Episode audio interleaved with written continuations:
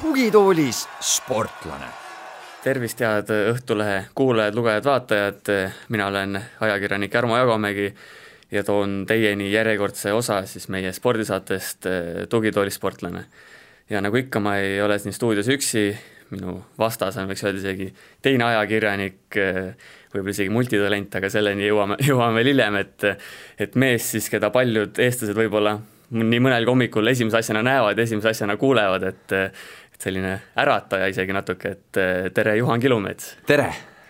ja siis, kes, kes nüüd vihjest aru ei saanud, siis Juhan Kilumets on siis mees, kes loeb kohati Terevisioonis hommikuti uudiseid ja kuna, kuna saade hakkab siin ütleme, ütleme enne kella seitset, siis paljud see, sel ajal just ärkavad ka, et aga nüüd, kui asja juurde minna, siis multitalent, nagu ma ütlesin, uudisteankur, spordireporter, ajakirjanik üldisemalt, endine sportlane, väikest viisi ka muusik ja, ja, ja ka pereisa, et, et, et palju ameteid, et kuidas iseennast defineeriksid võib-olla? see on väga raske küsimus ja nagu öeldakse ka, et, et teed kõike, eks ole, siis ei tee mitte midagi liiga hästi just, et noh, ma loodan, et see nii minu puhul ei ole, aga eks mul ennast defineerida väga lihtne ei olegi, et et muidugi kui ma mõtlen sellele, kui oluline minu jaoks on pere, siis ma võib-olla nüüd, eriti veel, kui on peres ka laps kasvamas, ma defineeriksin need eelkõige ikkagi pere kaudu isegi. et ma kõigepealt tahaksin olla normaalne, isegi midagi enamat, hea pereisa ja, ja abikaasa ja see ei ole üldse noh, selline jõulueelne jutt, lääge mandariini jutt, et ma tõesti tahaks eelkõige olla see, aga, aga siis ma, kui sealt edasi mõelda, siis ma ennast kui endast kui sportlasest enam rääkida ei saa, et siis jääb üle see, et, et ma ikkagi olen ajakirjanik jah, ja, ja, ja mitte siin võib-olla kitsendada, et, et spordiajakirjanik ma olen eelkõige, see on mu põhitöö, aga tahaks ju maailma ka laiemalt osata näha ja, ja sellel rindel tööd teha laiemalt, nii et võib-olla siis pereisa slaš ajakirjanik. täna kolmapäeval, see saade tegelikult reedel, salvestame kell üksteist, et kas see kell üksteist on sinu jaoks üldse enam hommik või see on juba selline, selline päevane aeg? See tõesti enam minu jaoks hommik ei ole, et eh, raadiotoimetuses ka,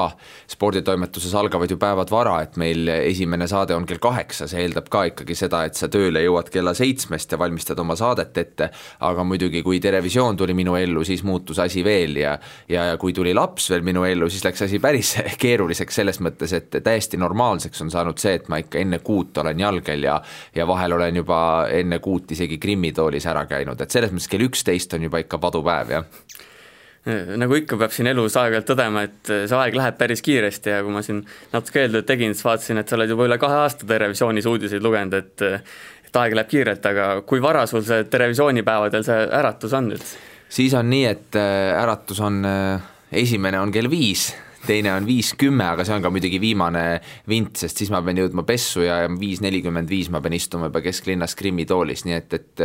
kui Kaitseväes tundus see kella kuuene ärkamine ikka kohutavalt raske, no siis olid muidugi ka füüsilised päevad väga kurnavad, aga, aga nüüd see viiene ärkamine on saanud igapäevaseks päris mitte õnneks aga, aga sellega ma olen harjunud, samas mul on hea meel, et äh, see ei ole mind ära rikkunud. et kui on võimalus nädalavahetusel kaua põõnata, siis ma seda võimalust kasutan, et, et selles mõttes õnneks ei ole nii, et ma olen igal juhul kell kaheksa üleval, ma tean, et paljudel inimestel varajase ärkamisega see õnnetu asi juhtub, minul ei ole juhtunud kui raske see algus seal Terevisioonis oli, et kas, kas olid esimesed uudised unised ka või oli pigem see, et ärevus oli nii suur, et ei olnud seal midagi, midagi väga unistada? siis oli küll ärevus, et äh, tegelikult ju ma eelkõige olen äh, raadioajakirjanik, äh, olen kirjutanud ka, aga see telekogemus oli mul selleks hetkeks väga väike ja siis oli küll ikkagi ainult ärevus ja väga hea, et oli, sellepärast et kõige õudsem asi on see, kui kell seitse hommikul väga unine inimene tervitab sind televisioonis seal ja muidugi on ka seda tulnud ette, minu mentor Marite Kallas Kallas, ma kindlasti, kui ta seda sattus nägema, vangutas kodus pead, tema on alati öelnud, et enne eetrisse minekut tuleb leida see stiimul, tuleb olla valmis selleks eetriks, tuleb olla erk, valmis ootamatusteks, mitte minna sinna unise näoga vuristama teksti ette, et, et seda neid, neid uniseid hommikuid tuleb ette, aga selleks hetkeks, kui kell saab seitse on esimene eeter, peab olema uni kadunud ja ja rääkimata nendest esimestest hommikutest, et see oli minu jaoks äh, ikkagi tundmatus kohas vette hüppamine, sellepärast et äh, olid toimetuses vangerdused ja kui lõpuks siis äh, seda kohta pakuti või seda võimalust, muidugi ma tahtsin sellest võimalusest kinni haarata, aga sisuliselt oli ainult paar nädalat, et viia end kurssi selle spetsiifikaga, mis käib prompterilt uudiste lugemise juurde ja, ja siis minna kohe eetrisse, rääkimata sellest, et minu põhitöö on spordiuudised, aga nüüd ma pidin ühe korraga haarama kogu Eestit, kogu maailma, et lihtne see kindlasti ei olnud, nii et, et seetõttu ka mitte mingit und, pigem ikka väga suur ärevus aga hätta sa vist ei jäänud ikkagi, nagu ma olen aru saanud, häbisse ei jäänud nii-öelda et nagu... häbisse ei jäänud, et on, on kordi olnud, kui ma olen hädas olnud tõesti, sest eh, hommikul on see, mida võib-olla paljud inimesed ei tea, et ega ju me ei ole ainult eetrinäod, ega sama kehtib ka eh, õhtuste uudistesaadete kohta, et sellist asja kui lihtsalt ankur, kes, kes tuleb sinna ja loeb ettevalmistatud teksti ette, sellist asja ei ole, et me kõik oleme ka uudistesaadete toimetajad, rääkimata siis hommikust, kui ongi olukord, kus olen mina, õnneks on välisuudiste toimetaja alati ja siis äh, on monteerijad, et kõik see, kuidas uudistesaated kokku saavad, on minu õlul ja, ja, ja õnneks ma ei ole hätta jäänud, on olnud väga raskeid hommikuid, noh eelkõige näiteks, kui eelmisel õhtul on mõni suur terrorirünnak või midagi ootamatut juhtub kusagil maailmas, siis kogu hommikul aur läheb selle peale ja peab värsket informatsiooni, mida tuleb väga palju menetlema, haldama, seejuures ei tohi ka teisi uudiseid ära unustada, pead vahepeal käima eetris iga poole tunni tagant, et eh, lihtne see ei ole, aga see hommikune vahetus on väga väljakutseterohke ja see mulle meeldib no ütleme, et seal Terevisioonis ja seal uudiste lugemises on igasugust nalja juhtunud, et päris sellise täistõsidusega ei pea ka alati asja võtma vist. kusjuures see on väga õige, sest ega hommikul äh, Eh, ei taha ju keegi ärgata, ärgata ainult noh, surmauudiste peale, väga morbiidsete teemade peale ja seal ka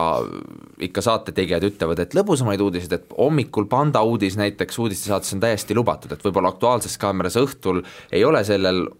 Panda uudisel oma kohta, aga hommikul kindlasti on, et, et ja ja tõsisemad teemad muidugi, ma ei saa neid unustada, valitsuskriisidest terrorirünnakuteni, aga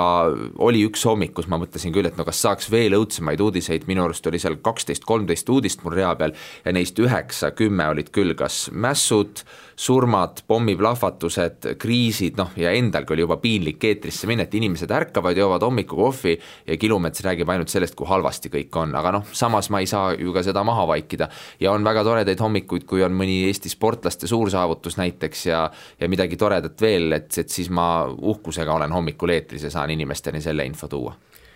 Kuidas see Terevisiooni variant sul üldse tekkis, et päris kõiki sinna ikkagi lasta nii-öelda, suvalisi vendi?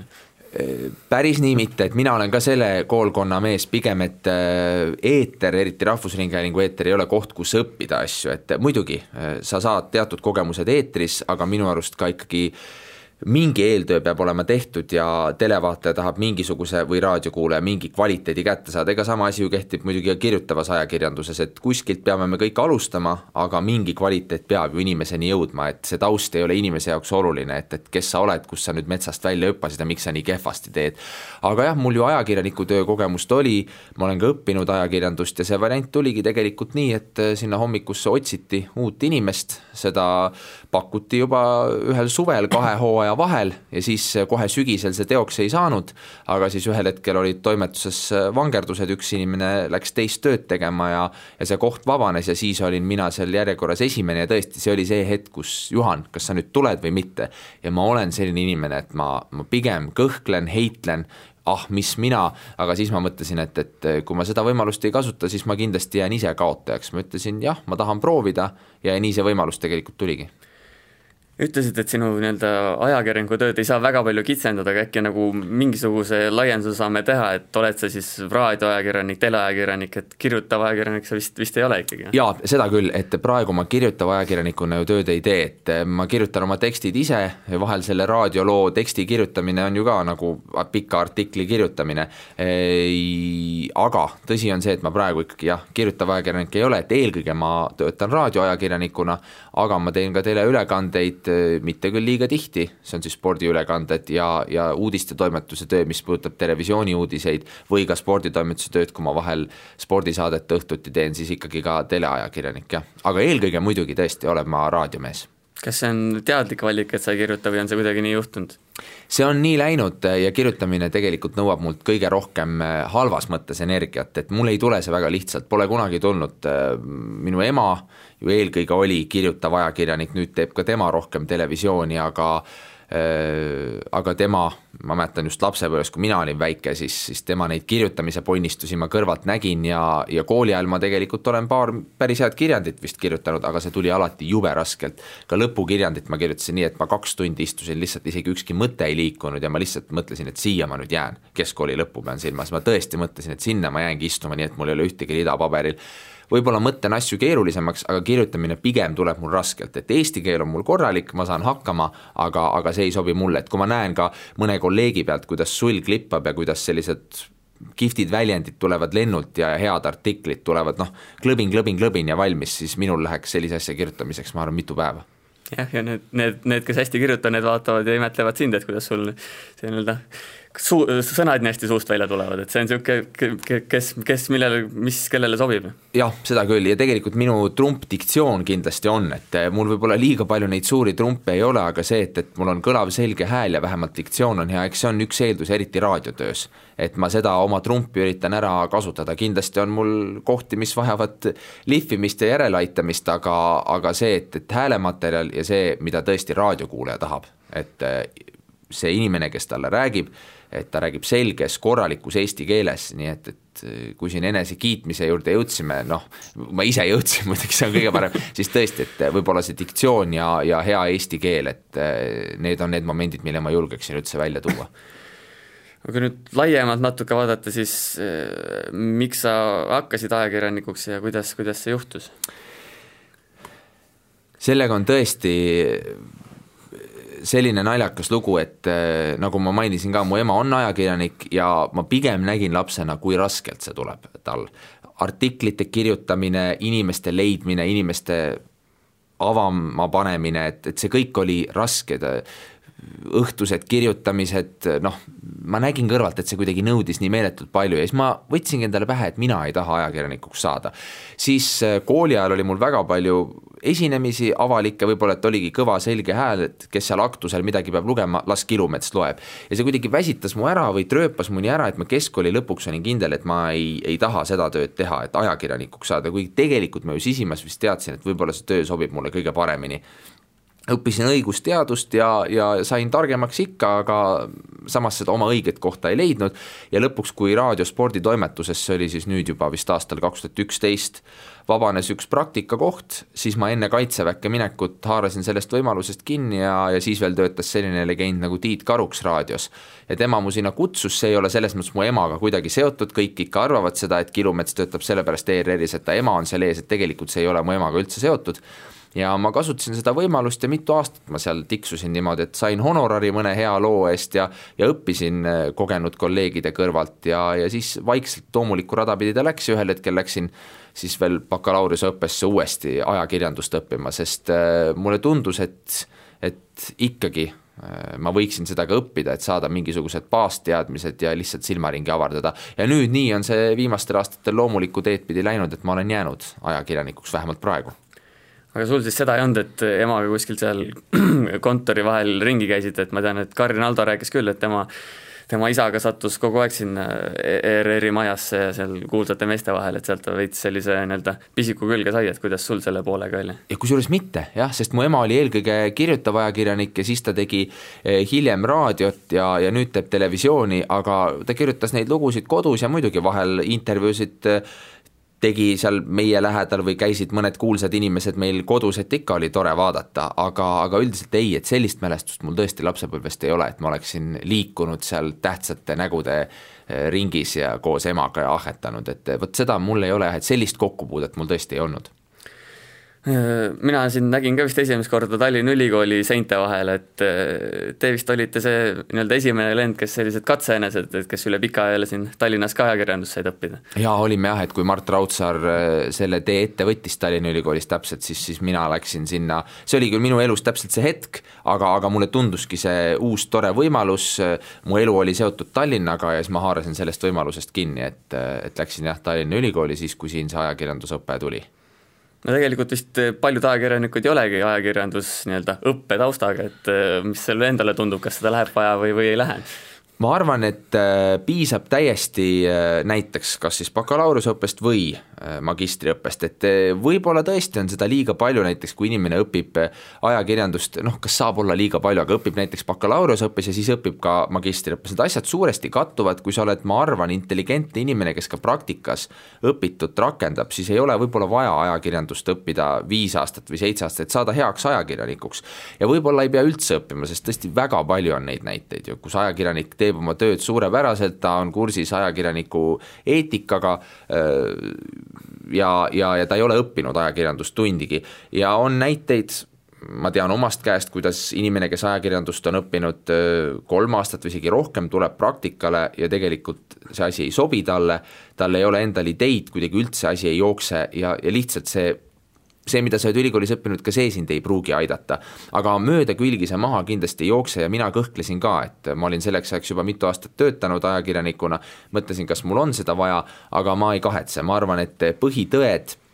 ja juba silmaringi avardamise mõttes ajakirjandust õppida, eriti moodsal ajal, kui on kõik need ristmeediad ja ja et sul on võimalik moodsas ülikoolis õppida, kuidas kõiki asju neid ühildada, et moodne ajakirjanik, kes käib telefon taskus, kirjutab, joonistab, teeb videod ise, saadab helid, pildid, monteerib, et, et ma arvan, et sellist asja õppida, et see tuleb ainult kasuks ja minul jäi seda isegi väheks, et siin ma tunnen küll, et kui ma tahan olla tõeliselt moodne ajakirjanik, siis ma võiksin seda isegi juurde õppida kui ma nüüd ei eksi, siis sinu kolleeg Alvar Tiisler alustas vist ajakirjaniku tööga juba seal üheksandas klassis ehk viieteist, kuueteistaastaselt, et eh, kas sinus ka sellist ürgset talenti natuke leidub? tegelikult äh, olen sellele mõelnud ja, ja tõesti, Alvar on eh, ju ürgne talent selles mõttes, aga minul vist ei ole, et kui ma mõtlen ka oma sportlasteele või erinevatele sellistele asjadele, mida ma olen õppinud või mida ma olen teinud, siis ma olen õppimisvõimeline ja ma olen lahtise peaga kindlasti, aga kas mul sellist ürgset talenti on, pigem vist just mitte. et see, et mul on noh, kõva selge hääl, et see on ka looduse poolt kaasa antud, see on võib-olla osa talendist, aga ma arvan, et eh, pigem vist märksõna võiks olla töökus minu puhul, kui see, et, et talent, mitte et Alvar ei ole töökas, temal saavad need kaks asja kokku, aga tõesti, see huvi spordi vastu, mis Alvaril lapsest peale oli, et see tähendas seda, et ta juba põhimõtteliselt eh, keskkooli või veel isegi põhikooli õpilasena võis juba võrdväärselt töötada spordiajakirjanikega, kes olid seda tööd teinud aastakümneid, et see on tase sul on kindlasti väga raske seda kommenteerida, aga, aga kumb siis Kilumets on kuulsam ajakirjanik, kas su ema Margit või, või, või Juhan, sina? Ma arvan, et olukordi on, on siin mõlemat pidi, et aga pigem vist ikka on nii, et kuulsalt emalt küsitakse, et, et, et, et see on siis sinu poeg ja kuidagi viiakse need otsad kokku, aga ma arvan, et, et parem ajakirjanik on kindlasti ema, sest ma küsin oma emalt häbenemata väga tihti nõu. Kas mõne teema avamisel, noh, kui see ei ole liiga spordispetsiifiline, mõne külalise valimisel, et kui sul on selline kogenud ajakirjanik, võtta, kelle trump on just see inimeste avamine ja, ja, ja kuidagi sellises vestluses väga oluline aspekt, et kuidas panna inimene teisel pool avanema. et ma kindlasti küsin talt nõu ja kumb on nüüd kuulsam, noh kindlasti ema ja see kuulsus ei ole ju eesmärk omaette. aga, aga sellega on ka nii, et näiteks ma töötasin aastaid raadios, olin töötanud ja kui ma läksin televisiooni, siis hakkas tulema järjest inimene, kes, inimesi, kes küsisid, et Juhan, sa töötad ajakirjanikuna või sa oled läinud ERR-i tööle ja ma pidin siis ütlema, et halloo ma olen viis aastat töötanud ERR-is, aga noh, inimene ei kuula raadiot või ei kuula spordiuudiseid ja, ja ta ei viigi otsi kokku. või kui ma hakkasin televisioonis tegema spordisaadet, esimest korda tuli jälle mulle kümme kirja, et Juhan, sa oled läinud Rahvusringhäälingusse lõpuks tööle, sa töötad spordiajakirjanikuna, et kus sa oled olnud, et ma ütlen, et noh, vot seitse aastat teinud seda, et ei ole kusagil olnud. aga, aga selle nimega veel, minu isa nimi on ka Juhan Kilumets, et see on nagu omaette nali. et, et me, et minule helistatakse aeg-ajalt, küsitakse siin restaureerimise kohta nõu, siis ma pean ütlema, et, et ma ei oska midagi öelda, et see on küll vale Juhan, et eh, nimi on sama ja kuskilt leitakse number ja on ka teistpidi, et eh, minu isal on olnud päris huvitavaid vestlusi, et kui ta koeraga on jalutamas käinud, siis on tulnud, vist oli olukord, kus üks inimene tuli, ütles, et Juhan, et uskumatu mees oled, et, et tegeled kirikute restaureerimisega, loed veel raadios spordiuudiseid ja teed kümnevõistlust ka, et kuidas sa küll jõuad, mu isa on viiskümmend pluss, eks, et aga inimestel kuidagi jookseb lühisesse ja nad ei suudagi mõelda, et nad võivad olla kaks eri inimest, et selle nimega on muidugi nalja saanud küll, jah. no mis lugu selle nimega siis on, miks see, miks, miks, miks see nii juhtus või miks see nii et läks? miks ma olen Juhan Juunior, jah yeah.? vot eh, oleks siin hea lugu, et ema, isa vist ise on ka naer, naerdes ja naljaga pooleks öelnud, et lihtsalt vaimuvaesus, et, eh, et inspiratsioon sai otsa, et meil ei ole mingisugust perekonnalugu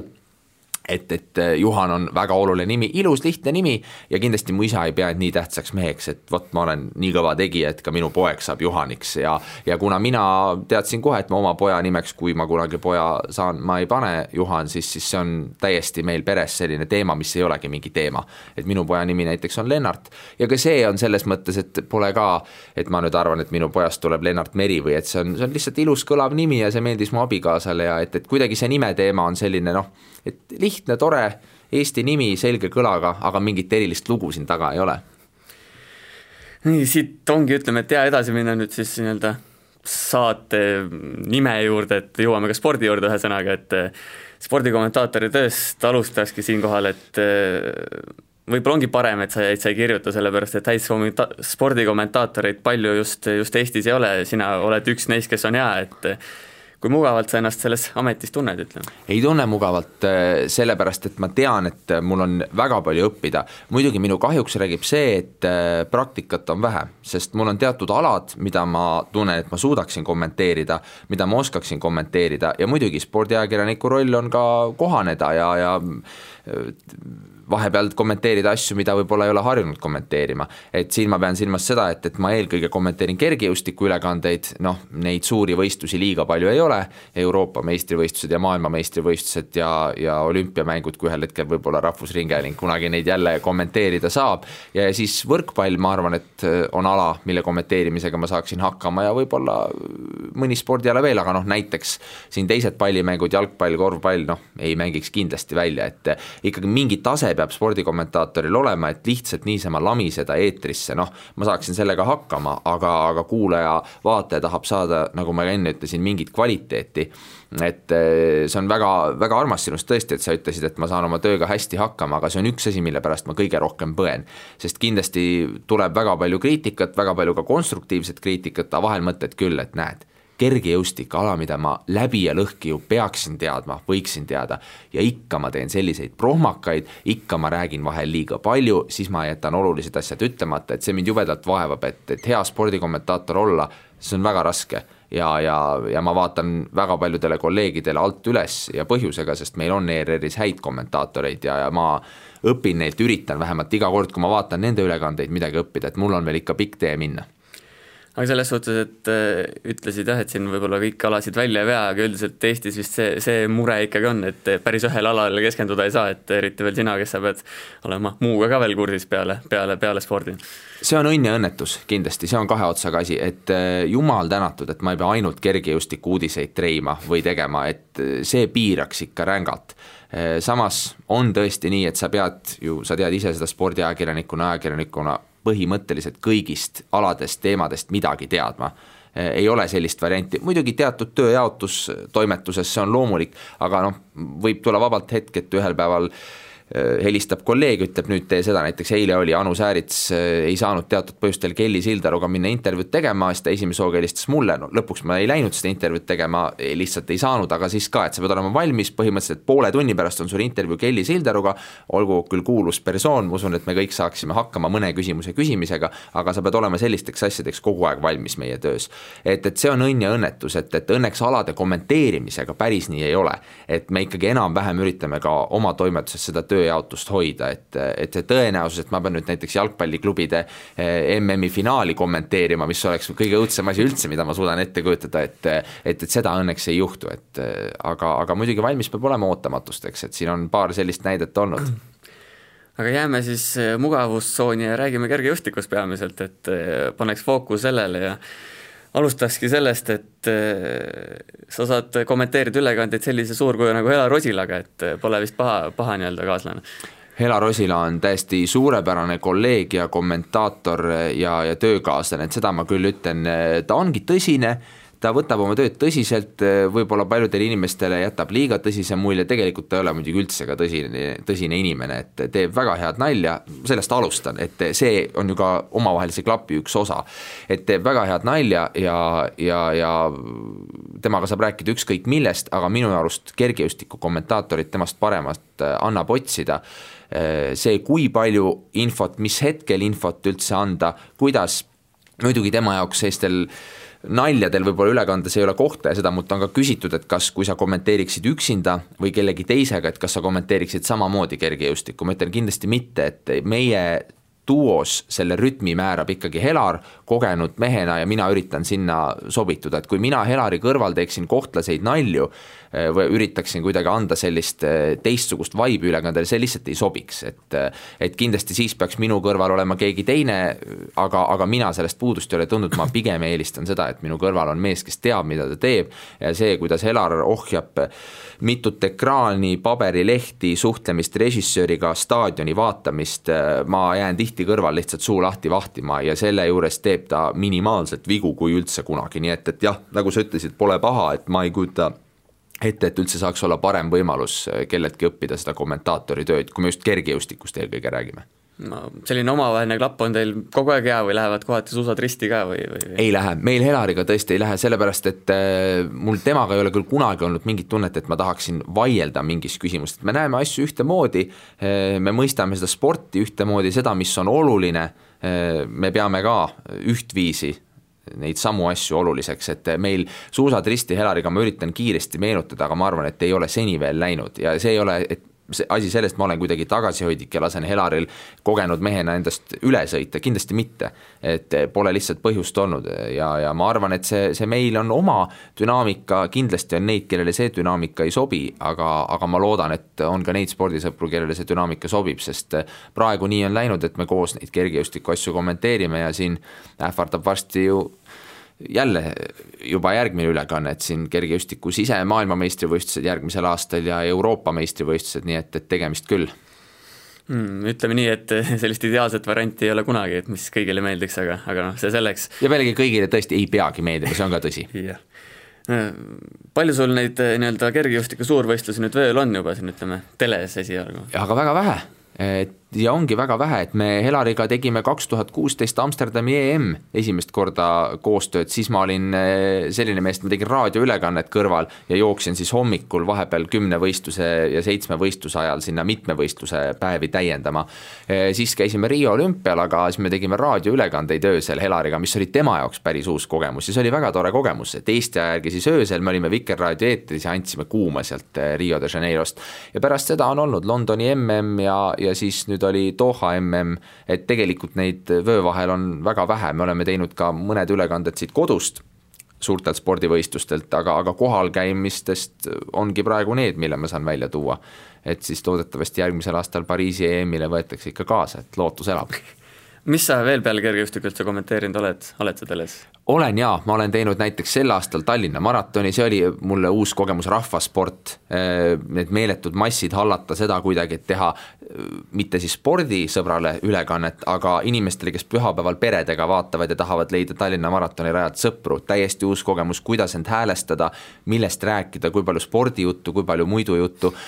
ja ma olen teinud teles ka võrkpalliülekandeid, mida ma olen teinud ka raadios, aga ega väga palju vist nagu spordialadest, noh, mingid auhinnad, tseremooniad, selliseid asju olen ka teinud, aga, aga spordialadest väga palju vist televisioonis ei olegi rohkem ette tulnud ja eks on pakutud. et seda ma pean ütlema toimetuse kiituseks, et ega kui ma tahaksin, ütleksin, teate, ma proovin, siis öeldakse mulle muidugi proovi, Juhan, aga pigem on see siin, et ma tunnen võib-olla oma piire ja kas see on õige või vale, aga ma igale poole ei roni, et, et selles mõttes mul liiga palju sellist mitmekülgsust kommenteerimise mõttes äh, ei ole vöö vahel no selles suhtes mingi võrdlusmoment on sul ikkagi olemas, et ma olen kuulnud, et kergejõustiku kommenteerimine äh, on kõige raskem, et pealtnäha näeb, näebki suht keeruline välja, et korraga toimub palju ja peab palju jälgima, et äh, kas see ongi raske siis või, või ainult tundub nii? kergejõustiku kommenteerimine on väga raske, et ma ei ütle enda kaitseks midagi, see televaataja vaatab kodus ühte pilti, tema tahab saada sinna kvaliteetse kommentaari kõrvale ja teda ei huvita see, mis seal taustal toimub, aga kui sa istud seal staadionil kõrgel, sa pead kõigepealt jälgima selle seda, mis toimub staadionil ja seal toimub korraga mitu asja, siis sa pead jälgima ekraani, kus sul on tulemused, pead jälgima teist ekraani, kus jookseb siis telepilt, ehk siis sa pead ju kommenteerima seda, mida inimesed näevad, et mida näeb televaataja kodus. sul on oma paberilehed, mida on palju, sest et kergejõustikus on ju väga palju nimesid, et, et jalgpallis ma ei ütle, et see on lihtsam, aga sul on kaks meeskonda, sa valmistad need no kümme pluss kümme nime ette ja, ja sellega sa võid ülekande idee poolest ära sõita. aga kergejõustikus on igas jooksus uued näod, igal väljaku alal uued näod, sa pead ju kõigi kohta midagi teadma, et alustades sellest, et ettevalmistus võtab roppu moodi aega, suurvõistlustel me hommikust peale Helariga istume staadionil, teeme ettevalmistust ja siis läheme õhtul eetrisse. rängalt pikad päevad ja see on väga raske. et Helar teeb seda väga hästi, aga see on ka tulnud kogemustega, et mis hetkel kuhu vaadata ja, ja siis juhtubki nii et ma vaatan vahel oma paberit ja, ja ma pean seda tegema, ma pean sealt kiiresti info leidma, võib-olla ei leia ja samal hetkel näitab televaatajale, näiteks siin viimasel MM-il oli, näitas, kuidas äh, sprinter Daphne Shippers oli ilmselgelt võistlemisest loobunud, et ta ei, ei tulnud enam starti, näitas teda seal nutmas kuskil soojendusväljakul ja ma ei pannud seda tähele ja vist ei pannud ka Helar tähele, sest Helar vaatas samal hetkel ka kas oma pabereid või, või noh, korra mujale. ja siis oligi see, et kui mul hakkas see naiste Äh, saja meetri jooks, siis ma üllatusin eetris, et oi, ja Daphne Schippersit ei olegi. Ja noh, siis muidugi kommentaatorid ja kom-, ja kommenteerijad ja, ja televaatajad kirjutasid mitmed mulle ja, ja ka ERR spordile, et, et kuidas nii, et no mida need kommentaatorid teevad, istuvad seal kohapeal ja nad ei näe, et Daphne Schippers ammu loobus, aga see ongi, et televaataja istub oma õllega, istub diivanil, ta näeb ära selle ühe momendi, kui seda Schippersit näitab, aga kui sa teed saatusliku vea samal ajal kommentaatori kohal, siis oled sa justkui lollim kui kodus televaataja, mis on asi, mida ei tohiks juhtuda. aga vahel ikka tuleb ette, et kergejõustiku kommenteerimine, isegi kui sa seda ala tead, on, on väga raske, et ma ei taha teha liiga ühelegi alale, aga, aga kergejõustikut lihtne küll kommenteerida pole võtakski selle Doha MM-i näiteks äh, siin nii-öelda õpetlikuks näiteks, et räägi natuke, et kui, kui nii-öelda soo-, suur töö enne seda juba suurvõistlust näiteks ära tehti ettevalmistuse osas? väga suure töö teeb ära Helar koos seal meie režissööridega panna paika see ülekannete kava, aga see on selline noh, täppistöö, et mis hetkel alustada, millal lõpetada, kuidas, aga ettevalmistuse mõttes, ega me kumbki Helariga vist liiga palju ei tee enne, me hoiame lihtsalt silmad-kõrvad lahti, jälgime seda, mis kergejõustikumaailmas toimub, põhitöö hakkab koha peal ja seal, nagu ma jõudsin juba öelda, veidi on see töörütm tõesti selline, et kohta või linna, kus sa oled, ega ei näe, nii et mina loodan alati, et see suurvõistlus toimub kuskil, kus ma olen juba käinud või kuhu väga ei kutsugi, sellepärast et no nii kahju on, kui sa lähed kohale ja sa lihtsalt ei saa seda linna või kohta näha, sest ei ole tõesti lihtsalt aega. et äh, sa pead sellisel juhul ohverdama kvaliteetse ülekande ja kuna kergejõustiku ülekanded on väga pikad, meil on olnud ka kümnetunnised päevad, mitte lihtsalt kümnetunnised päevad, aga nii, et eeter on järjest kümme tundi. Pole ju reklaamipause, mitte midagi. mäletan Londoni MM-il vist oli kümnevõistluse päev, et kui teivashüpe venis seal teisel päeval, siis ma mõtlesin küll, et ma annan otsad, et väljakul ei toimu ka midagi pikad pausid hüpete vahel iga natukese aja tagant keegi jälle hüppab vahepeal lati maha ka ja siis sa juba tõesti oled selleks hetkeks surmväsinud, sa pead hoidma eetris reipust, sa tead, et sul on veel õhtune programm ees ja vot sealt hakkavad ka vead tulema, et paratamatult sa ühel hetkel väsid. ja näiteks meie Helariga teeme terve MM-i kahekesi, kõrval seal kolleegid, kellel on rohkem mehi, teevad vahetustega, vahel seal mitu ekipaaži päeva jooksul vahetub, sest lihtsalt see ongi ebainimlik ja siis, kui panna veel see ettevalmistusaeg juurde, mis võtab ikkagi enne iga ülekannet neli-viis tundi, kui sa tahad korralikult seda teha, siis ongi need, need lähetused on jube rasked, alati pärast seda, kas jääd haigeks või vähemalt tahad aja maha võtta, et kogenud Hela Rosila võtab ka puhkuse enamasti alati pärast seda lähetust, aga, aga see on seda väärt kuidagi. ja, ja, ja, ja kõige raskem väljakutse ongi see, et kuidas MM-i kaheksandal, üheksandal päeval olla värske, olla reibas, mitte lubada endale vigu, kui sa oled teinud seitse päeva niimoodi tööd, et sul ajab ninast ja kõrvust välja seda kergejõustikku, aga, aga tuleb hakkama saada magada jõuab vahepeal õnneks jõuab, aga muidugi väga raske ongi siis, kui on hommikune võistlusprogramm, et siis sa ei saa ju hommikul ettevalmistust teha, sa pead siis hommikul eetris olema, siis on see, et sa teed seda öösel hotellis. see on ebainimlik muidugi, et õnneks nüüd oli Doha, mis oli taevakingitus, sest et äh, kuumuse tõttu ei olnud hommikust programmi ja võistlused algasid kõige varem neljast-viiest, mis tähendab, et õhtul hotellis rahulikult läksid kotile ära, magasid korraliku ööune, sõid hommikul kõhu täis, hakkasid siis tööle. aga kui sa pead pärast ülekannet kell kaks kaksteist kell üks öösel hakkama järgmise päeva neid startliste eh, vaatama, kus on tuhat nime, vot siis siis läheb küll isu pealt ära, aga kui sa ei vaata, siis sa lähed eetrisse ja, ja sa tead, et spordisõber saab sellise ülekande, millel tegelikult mingit väärtust ei ole, et et taustinfo maksab ikkagi ka. Kergejõustik sulle kindlasti väga meeldib on südamelähedane, aga nüüd nagu ütlesid ka, siis on raskeid hetki ka, et on seal mõne suurvõistluse lõpus niisugune tunne ka, et, et ei viitsi täna kommenteerima minna üldse ei viitsi. ja on, on, et ikka seda tuleb ja, ja see on eelkõige siis, kui näiteks sa tead, et on vaja kommenteerida ka kümne tuhande meetri jooksu, mis iseenesest ju on, on tore ala, mul ei ole selle vastu midagi, aga seda kommenteerida inimesel, kes ei ole jooksuspetsiifikaga ka nii hästi kursis, on väga raske, seal neid Aafrika jooksjaid on terve posu, sa pead neil vahet tegema, sa pead suutma rääkida vaheaegadest, et vot siis enne ülekannet küll vahel mõtled, oh, tead, et, et kas ma täna üldse viitsigi minna, aga ei, kui see moment on, kui klapid lähevad pähe ja, ja eeter käima, ega siis seda tunnet ei ole, siis sa unustad selle ära. et selles mõttes ja kuna neid tiitlivõistlusi on nii harva, et aastas ju kord või kaks, et siis see kõik muu, mis selle juurde käib, trumpab küll üle selle väsimuse, mis võib vahel peale tulla mul endal on ajakirjanikuna vahepeal see teema, et näiteks tahaks mõnda Kalevi VTB mängu vaadata justkui fännina, aga kõik viimased korrad on läinud nagu töö alla, et kas sul ei ole seda, et tahaks mõnikord seal tri tribüüni rahulikult vaadata ja väikest küüslaugu leiba kõrvale võtta võib-olla? see on naelapea pihta, seda tunnet on üha rohkem kui ma tegin ise veel kergejõustikku, siis ma tundsin, et noh, ma olin nii selles asjas sees, et ma ei tahtnudki võistlustel käia vaatamas, ma väga ei käinudki, sest ma olin hommikust õhtuni mul kergejõustik. aga nüüd, kui ma ise enam ei tee, siis ma vaikselt tunnen juba selle rajakatte tartaani lõhna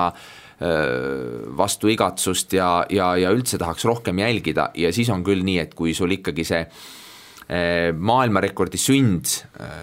jääb kuidagi selle töö sisse sinna, et sa ei suudagi seda hinnata. Äh, ma mõtlen seda väga tihti suurvõistlustel, et tahaks lihtsalt hingata sisse-välja ja, ja vaadata, mis staadionil toimub, elada kaasa, saada nendest emotsioonidest osa, et muidugi kommenteerimine võimaldab ju ka kõike seda, aga fakt on see, et sa teed sel ajal tööd ja sul on tuhat mõtet peas ja, ja nii ongi, et, et ma olen mõelnud, et kuidas ma näiteks kas või Maicel Uibo hõbemedali võidul oleksin kaasa elanud, kui ma oleksin istunud seal tribüünil teiste kergejõustikusõprade vahel ja, ja kaasa saanud röökida, et, et kindlasti oleks olnud teistmoodi kogemus. aga ma sain seda kommenteerida ja selle Eesti spordisõpradeni tuua, et ega see kehvem variant ei ole Doha MM-i ajal sina sattusid ka ütleme siis sellise peavoolumeedia, meedia keskmesse, ütleme, et siin väike konflikt kuulsa legendaarse Andrus Nilgiga, et eh, kuidas sa seda olukorda tagantjärgi nüüd hindad ja arvad ja mis sa ütleksid selle kohta? et ikka on kahju, see on siis see jah, et, et Andrus seal sotsiaalmeedias, mis on tema õigus, asus väiksele rünnakule seal kolleegi Hela Rosila vastu, aga aga see oligi võib-olla selles mõttes eriti pettumust valmistav, et tema ometi ju teab eh, ka teletööga kursis oleva inimesena, kuidas me teeme valikuid ja kuidas me ikkagi kommenteerides lähtume sellest, mida näitab pilt, et äh, see on, see on huvitav. Äh, et kas kergejõustikusõber tahab siis seda, äh, et, et tal oleks kogu aeg info käes sel hetkel, kui see juhtub ja kui siis näiteks näitab ühte olulist viset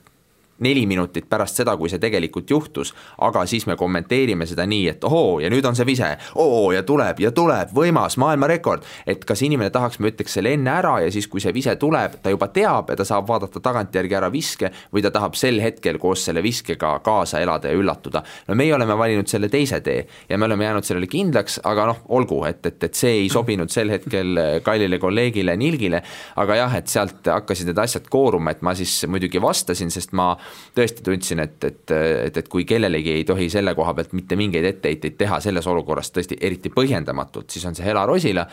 Ja muidugi siis sealt läks jah, see asi, asi läks käima, et nagu ikka, et, et saada mõni klikk ja siis veel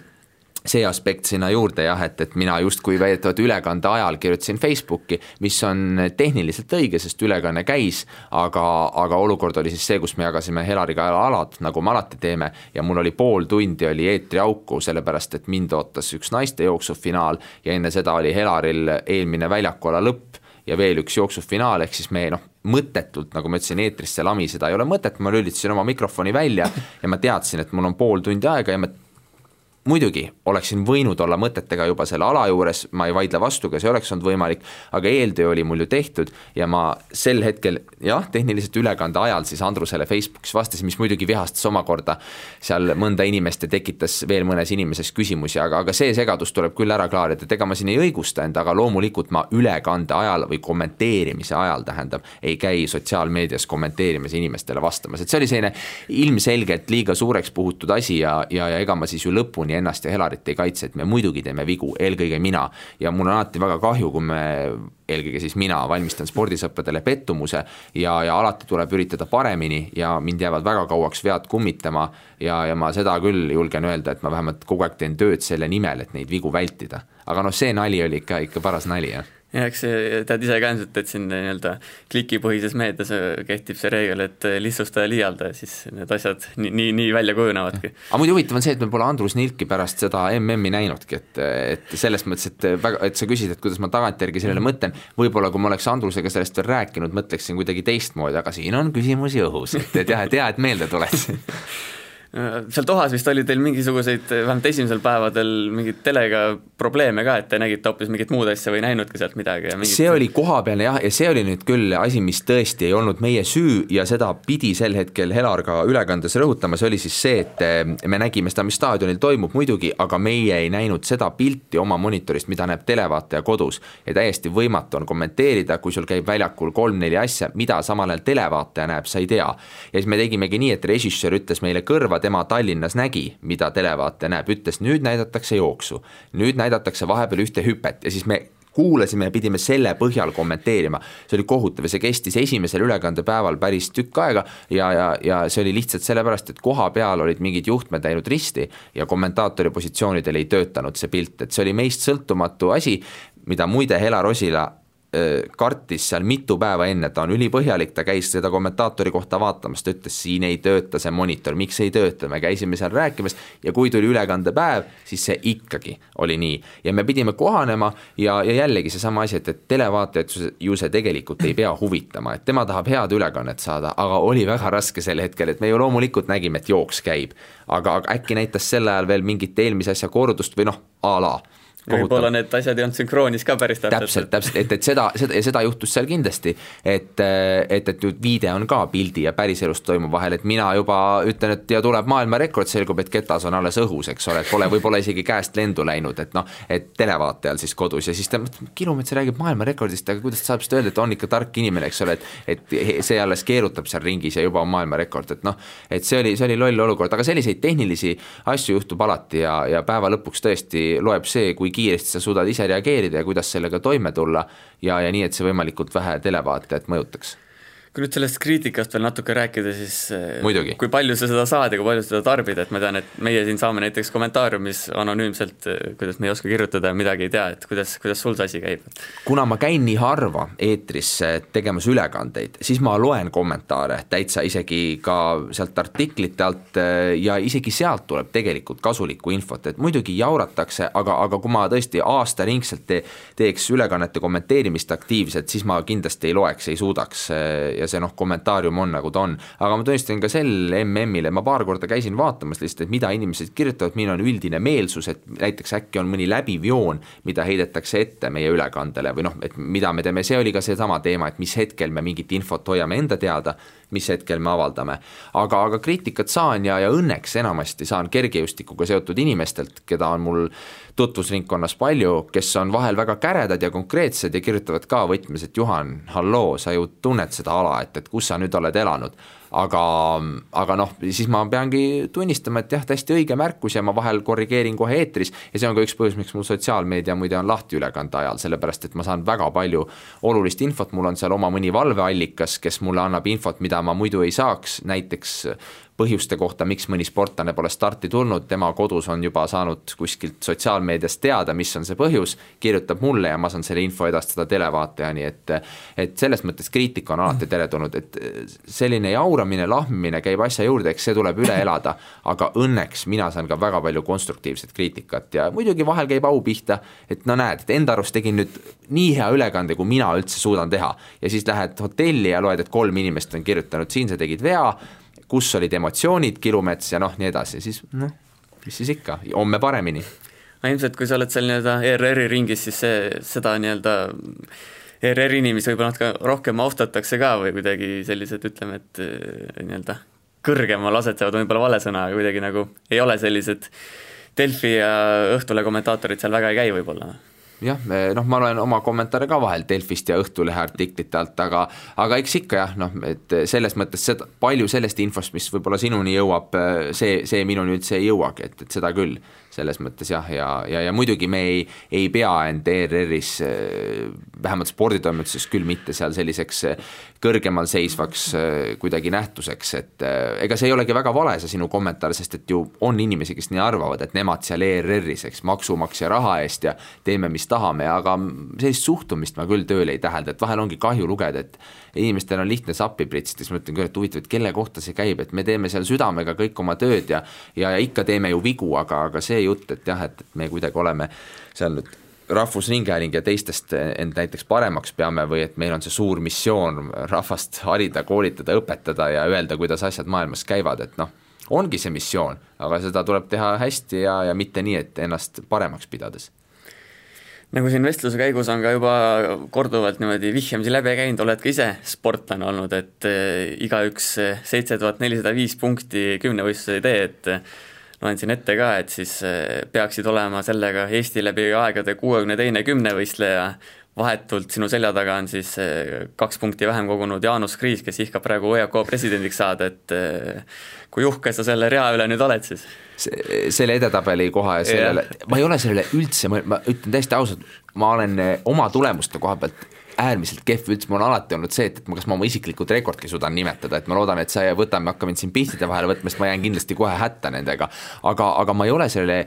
edetabeli kohale üldse mõelnud, muidugi on au ja tore on selles reas olla, et Eesti kümnevõistlusel on väärikas ajalugu ja mina andsin oma väikese panuse, et ma ei ole kunagi pretendeerinud sellele, et ma olen tippsportlane või et ma olen kõva mees, aga lihtsalt ma läksin üheksa-aastaselt kergejõustikutrenni ja tegin seda nii kaua, et see on minu elust olnud üks kõige olulisemaid osasid. et, et kui sa nii ütled, see kuuekümne teine tore, et ma seal esisajas veel figureerin just, räägi natuke oma sellest sportlaste eest, et eh, miks sa alustasid või, või tähendab, miks sa kergejõustiku juurde jõudsid ja miks sa ära lõpetasid mingil hetkel siis ikkagi? Ma olen käinud kahes trennis elus, judos ja kergejõustikus. Äh, judo ei sobinud mulle üldse, ma läksin sinna siis äh, enne kergejõustikutrenni minemist kusagil seitsme-kaheksa aastaselt, väga vajalik spordiala, kõik need põhimõtted, mida seal õpetatakse, mulle lihtsalt kontaktsport ei sobinud, see oli kohe selge ja ema tegi otsustava lükke, pani mu kergejõustikutrenni, see oli veel aeg, kui, kui väga väikesed ei käinud kergejõustiku või üldse trennides, noh et ma olin seal kaheksa-üheksa aastasena, jooksin suuremate tüüpidega koos ja hambad ristis, üritasin kuidagi neile vastu saada. Ja mulle hakkas kohe meeldima ja ma jäingi ühe treeneri juurde väga pikaks ajaks ja siis ma enne sportlaste lõppu veel mõtlesin, et proovin siin nalja teha, mitte nüüd tegelikult nalja, aga päris tõsine samm oli see, et vahetasin treenerit ja ja üritasin veel midagi ära teha spordis ja siis ühel hetkel jõudis see küll täiesti loomuliku lõpuni, sest ma kunagi äh, spordi kõrvalt ei loobunud äh, õppimisest, eraelust, sõpradest, ka pidutsemisest äh,, ülikooli õpingutest, töö tegemisest, et ma olin harrastussportlane ja just selle tõttu ma olen ka võib-olla, kui sa küsisid enne, kas ma olen uhke, jah, ma olen sellepärast uhke enda üle, et ma harrastussportlasena suutsin äh, ikkagi nii kõvasti teha, kui ma tegin, et äh, nägin ju kurja vaeva ka, ega ma niisama siis pärast kooli ränkrasked trennid, samamoodi nagu kõigil sportlastel või kergejõustiklastel, sügine et-, sügisene ettevalmistus oksendamisena, oksendamiseni, vabandust, lõikude jooksmised ja nii edasi, et noh, ränka tööd tegin selle kahekümne aasta jooksul, aga, aga siis ühel hetkel ma tundsin, et et eraelu, töö, see kõik nõuab mult nii palju ja ma tundsin ka, et ma olin spordis kas just maksimumi, aga peaaegu maksimumi ära võtnud. ma olen ikka mõelnud, et palju ma oleks võinud kümnevõistluses punkte koguda. ma arvan, et äkki seitse tuhat seitsesada, kui ma oleks võib-olla vahepeal õpingud, eraelu, töö seadnud tagaplaanile, äh, võib-olla ka seitse tuhat kaheksasada, aga mitte mingil juhul kaheksa tuhat, et äh, võimeid mul selliseid ei olnud, ka siin ma arvan, minu kasuks rääkis töökus eelkõige, mitte talent. Aga mingil hetkel oli sul profisportlase ambitsiooni ka korraks või ikkagi põhimõtteliselt mitte? ei, mitte kunagi. ma võib-olla sain aru ka ise, et eh, sellist talenti mul ei ole, ma olen sellega nõus isegi, et kümnevõistlus hakkab, eh, kuidas keegi ütleb, kas kaheksa tuhandest, nüüd mõni ütleb juba, et hakkab kaheksa tuhande kahesajast ja nii edasi. ma olen seega nõus, et see alla kaheksa tuhande punkti, et kas see on üldse kümnevõistlus, noh on ikka, sest et ka selliste punktide kogumiseks tuleb ikka meeletult vaeva näha. aga ma sain ise aru, et mul ei olnud kiirust ja, ja mulle tundus juba see kõik nii üle jõu käib, et, et maailmas või Euroopaski läbi lüüa. Ja minu jaoks oli alati vähemalt sama oluline siis haridus, töö, peresõbrad, et ma ei osanud seda sporti nendest tähtsamaks tõsta ja kuna ma seda ei osanud teha või ei tahtnud teha, siis oli selge, et minust tippsportlast ei saa, et seda ambitsiooni mul tõesti, julgen öelda, mitte kunagi ei ole olnud ütleme, et eh, seitse tuhat nelisada kokku saada on ikkagi vaja ka natuke tööd teha, et ma tean, et minu elu ainuke kümnevõistlus, ma ei ole ka nüüd ütleme, kõige halvemas vormis oli kolm tuhat seitsesada viiskümmend viis silma, et eh, ja see ei ole muide üldse, ma ütlen vahemärkusena, et see ei ole üldse täpselt eh, noh, sa ütlesid, et sa ei ole kõige halvemas vormis, et selle vormi pealt tehes ja, ja mitte omades spetsiifilisi teadmisi, see ei ole üldse halb punktisumma, sest ma tean inimesi, kes on teinud ka, eks ole, alla tuhande punkti kümnevõistlust, kes on ka tegelikult füüsilises vormis täitsa nii, aga, aga selleks, et, et, et kui sa selle ketta ikka kätte saad või võtad selle oda kätte või pead üle kümne tõkke saama, joh ei tea, et seal on ikka nähtud igasuguseid asju, need harrastajate kümnevõistlused on vahel küll, see on ikka noh, käid ja vaatad ja mõtled, et on masohhistid noh. aga tahtsin jõuda küsimusega selleni välja, et eh, mis su võib-olla kõige suuremad tugevused ja nõrkused olid? nõrkus kindlasti sprint, äh, kohutavalt aeglane olin ma ja meeletu töö käis selle nimel, et saada heaks kindlasti teine suur nõrkus odav ise, mis on eriti irooniline, sest mu vanaisa, isapoolne vanaisa oli odaviskaja, Telvik Kilumets, kes viskas vana odaga üle seitsmekümne meetri, oli Eestis täitsa kõva käsi. Äh, ja no nagu kiuste, odav ise minul, äh, kõige nõrgem ala, aga vist oli kolm ala, mis mul olid maailma tasemel, mida ma suutsin siis teha nii, nagu suutsid maailma tippkümnevõistlejad. Äh, need on siis, jäin kokutama, kõrgushüpe kus ma hüppasin kaks kümme, isiklik rekord, et, et see on kindlasti asi, mille üle mul on kõige parem meel, kettaheide ma heitsin üle neljakümne kuue meetri ja siis tuhande viiesaja meetri jooks, kus ka aeg alla nelja kolmekümne on ikkagi kümnevõistleja kohta seal pigem hea. et oli palju neid mehi, kes jäid selles jooksus näiteks kolmekümne sekundi kaugusele ja ma sain sealt kõva punktivõidu viimase alaga. aga muidugi enne seda olin odaviskes saanud sellise haamri, et noh, sealt andis tagasi ronida selle viimase alaga et, et, et nii ta mul käis, et tõusud, mõõnad ja, ja siis oli selliseid vahepealseid alasid seal ka terve posu, et näiteks kaugushüpe, kus ma oma olematu kiiruse pealt hüppasin seal ligi seitse kakskümmend, ma tagantjärgi olen paar korda mõelnud, et see polegi üldse nii halb.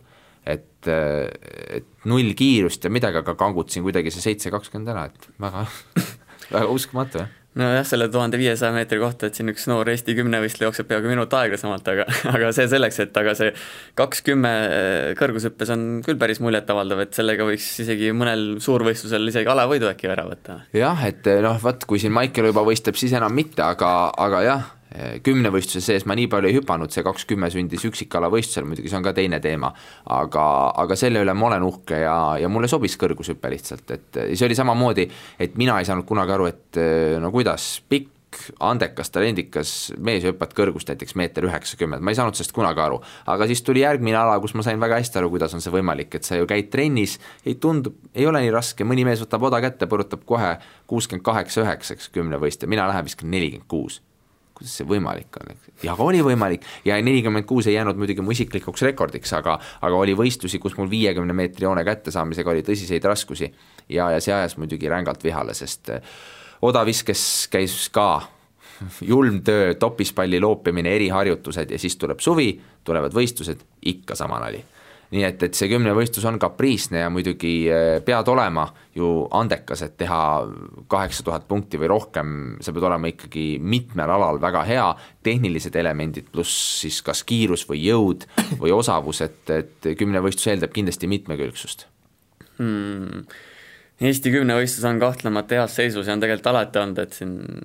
iga mees teeb meil siin kümnevõistlust, meil on siin kaheksa tuhande punkti mehi jalaga segada, et eh, kuidas seda üldist seisu hindad ja mis sa arvad, miks see,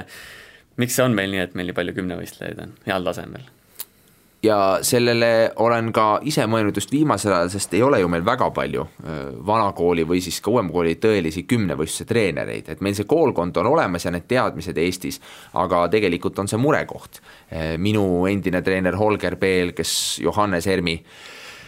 treener oli ka enne, kui Johannes Erm läks USA-sse, kellele ma võlgnen kindlasti kõige rohkem tänu oma sportlasteel, tema nüüd äh, keskendub elus muudele asjadele, ma saan aru, ja enam aktiivset treeneritööd ei tee, sellest on ka väga kahju, sest, sest tema oli inspireeriv inimene ja ja meil lihtsalt vist on need teadmised olemas ja võib-olla on see meil veres, et see on selline triviaalne vastus, aga kuidagi tundub, et see lihtsalt eestlastele sobib. ja taseme kohta sa küsisid, ma arvan, et see ongi väga hea. et selle üle on ainult hea meel, sest mina tegin aeg, ajal, kui oli kuidagi selline vaheperiood. Ei olnud veel uued mehed peale tulnud ja seal ees Mikk Pahapillid, Andres Rajad, neil oli juba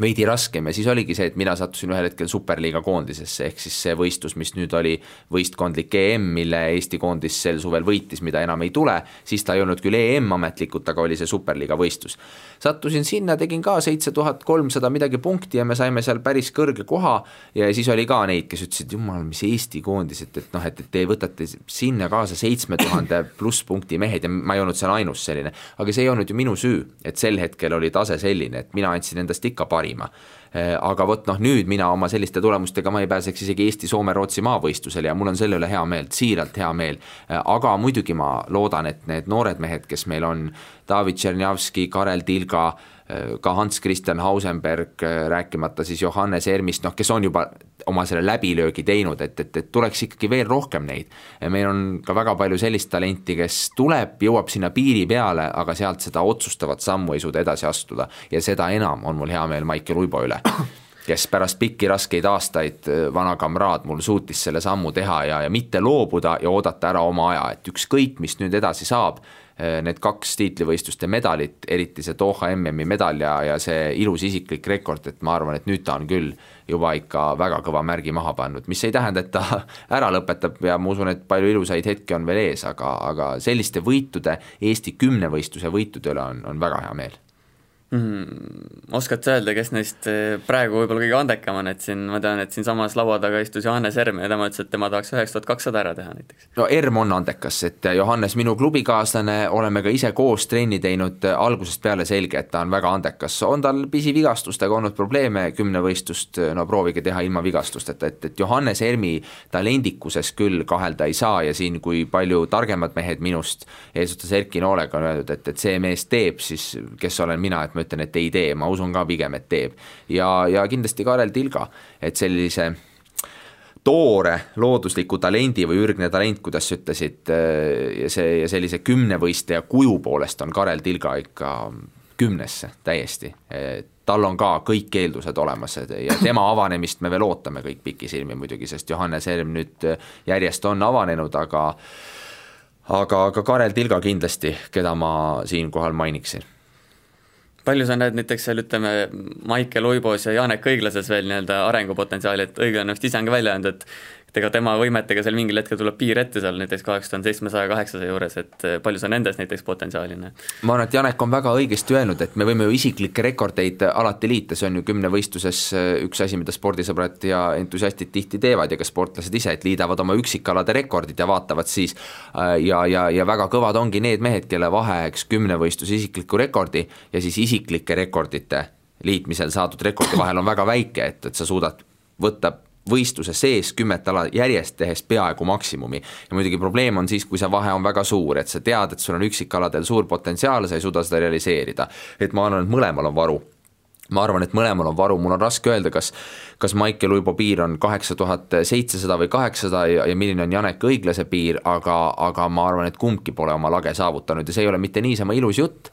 aga ma usun, vaadates nende vanust ja seda, kuidas neil on viimasel ajal läinud, äh, siis äh, kõik võimalused on olemas, muidugi tuleb terve püsida ja, ja tuleb panna kokku see üks hea kümnevõistlus, sellepärast et see on see võtmemoment, et seda kokku panna on raske ja tihti ongi nii, et mõni mees jääbki nende oleksite peale ja selle peale, et ma oleks ju võinud ja seal oleks saanud. Ehm, neid näiteid on küll, kus on väga ilus kümnevõistlus kuni näiteks teivashüppeni ja ühe hetkega kõik kukub kokku, sa liigud ulmelise rekordi suunas ja pärast seda võistlust sa enam sellest kas mentaalselt või siis muudel põhjustel ei suudagi välja tulla. Ehm, väga karm ala selles mõttes kümnevõistlus, aga, aga mina usun küll, et mõlemad nihutavad veel isikliku rekordi piiri ja, ja mõlemad on enamaks võimelised millal sul see päev ametlikult oli, millal sa oma harrastussportlase karjäärile joone alla tõmbasid? ja seda ma ei mäletagi. see oli nüüd juba ikka mitu head aastat tagasi, aga see otsus tuli äh, veidi ta vindus aga see otsus tuli vist niimoodi jah, et ma tegin ühe hooaja ettevalmistuse sügisest kevadeni siin veel kolm-neli aastat tagasi tegin väga võimsalt, aga, aga siis olid pisihädad segasid ja, ja muu elu oli nii peal ja ma nägin, et see pole seda väärt lihtsalt ja ma sain aru, et ma olen peaaegu oma maksimumi saavutanud, muidugi seitse tuhat viissada oli minu eesmärk, selline realistlik eesmärk ja selle nimel ma viimased aastad üldse trenni tegin, et teha see seitse pool ära ja ikka sead endale mingi eesmärgi, no seda ei tulnud ära, aga ma tundsin, et et, et selle saja punkti nimel veel kangutada üks aasta, üks ettevalmistus oleks olnud vale ja ma ei kahetse küll, et ma keskendusin elus muudele asjadele ja ma tagasi mõeldes pigem mina ainult olen võitja selles asjas, et väga palju häid kamraade Äh, väga kihvtid kogemused mõne suure võistlusega, kus mul oli au käia, esindada ka Eesti koondist, nii et ainult õnnelikud mälestused kergejõustikust ja mingit realiseerimata potentsiaali ja sellist asja mul,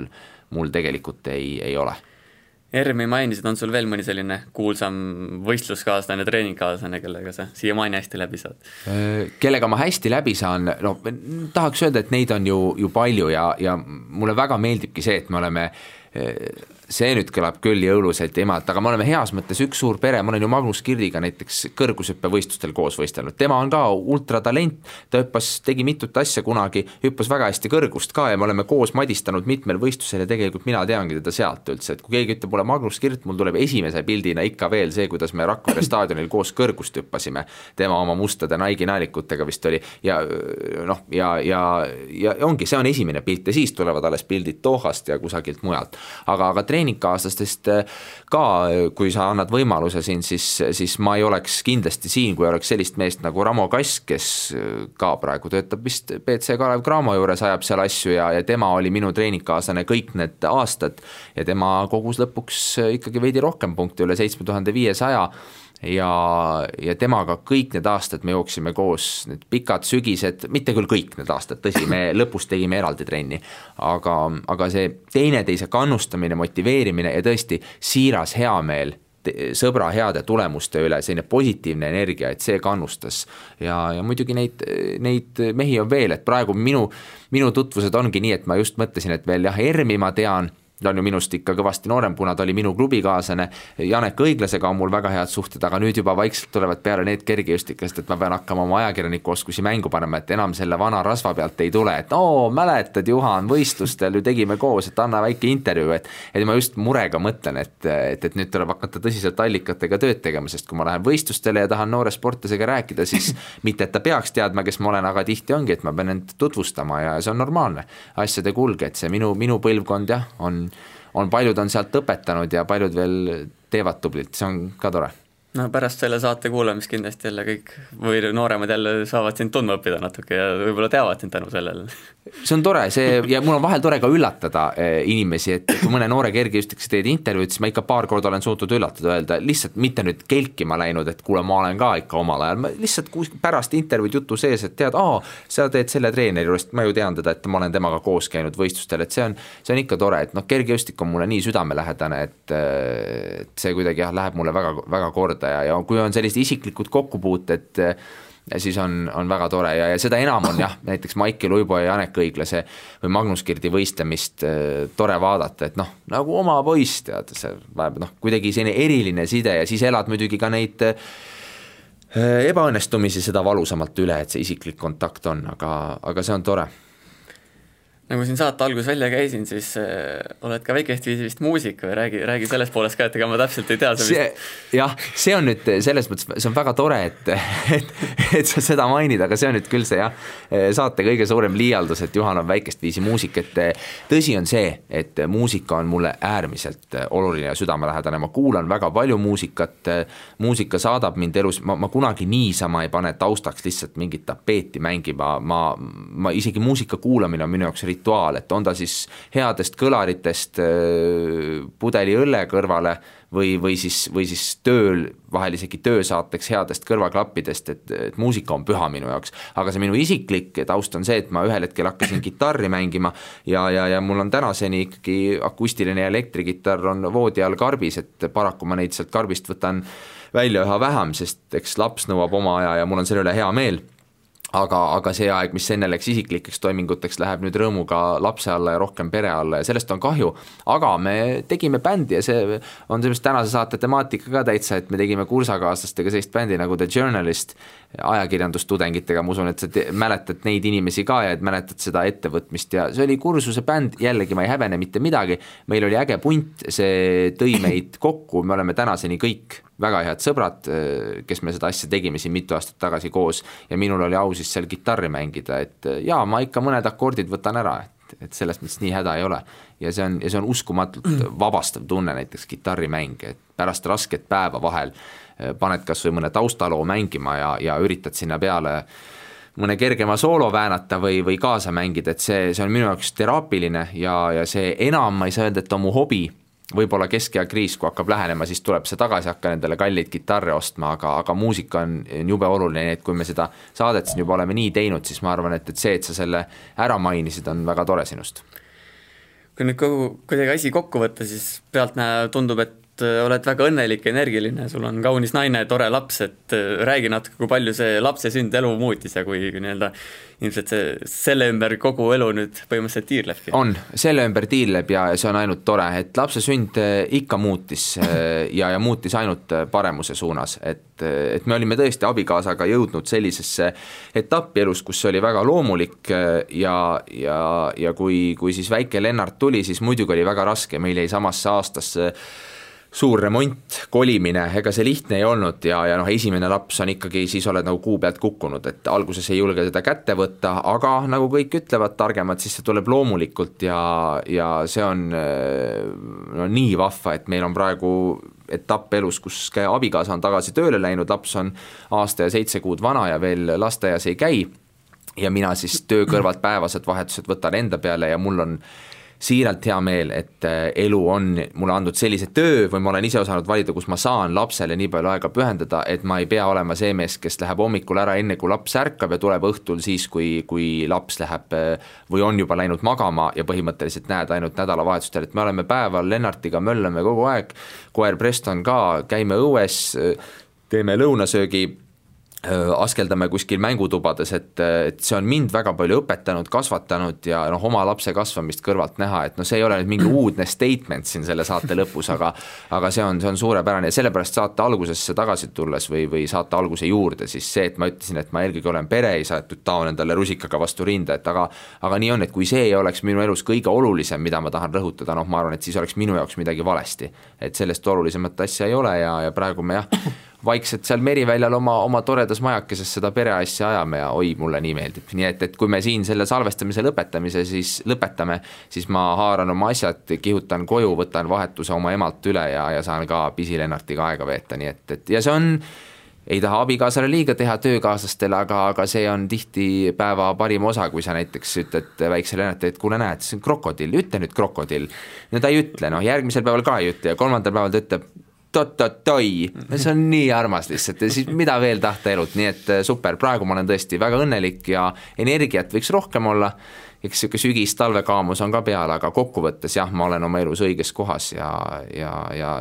tänan, et äh, lubasid mul veidi rääkida hinge pealt ära, et kui mulle midagi meeldib teha, siis on see rääkida jah, ma selle ühe sisutühja küsimuse jätangi selle ilusa, ilusa tiraadi peale küsimata, et tõmbamegi siit eh, otsad kokku, aitäh, Juhan, et leidsid aega tulla siit eh, lapse kasvatamise ja tiheda töögraafiku kõrvalt ja soovin sulle häid jõule! aitäh, et kutsusid, ma omalt poolt kasutan ka võimalust, soovin siis kõigile mõnusat jõuluootust, jõule ja ilusat aasta lõppu ja ja ikka võiduka lõpuni just nii ja minu poolt ka head pühadesoovid ülejäänud kuulajatele, järgmine nädal me eetris ei ole, sellepärast et on tihe pühadeperiood kahe tööpäeva jooksul ei hakka siin külalisi piinama, et eh, kohtumiseni siis uuel aastal, aitäh oh.!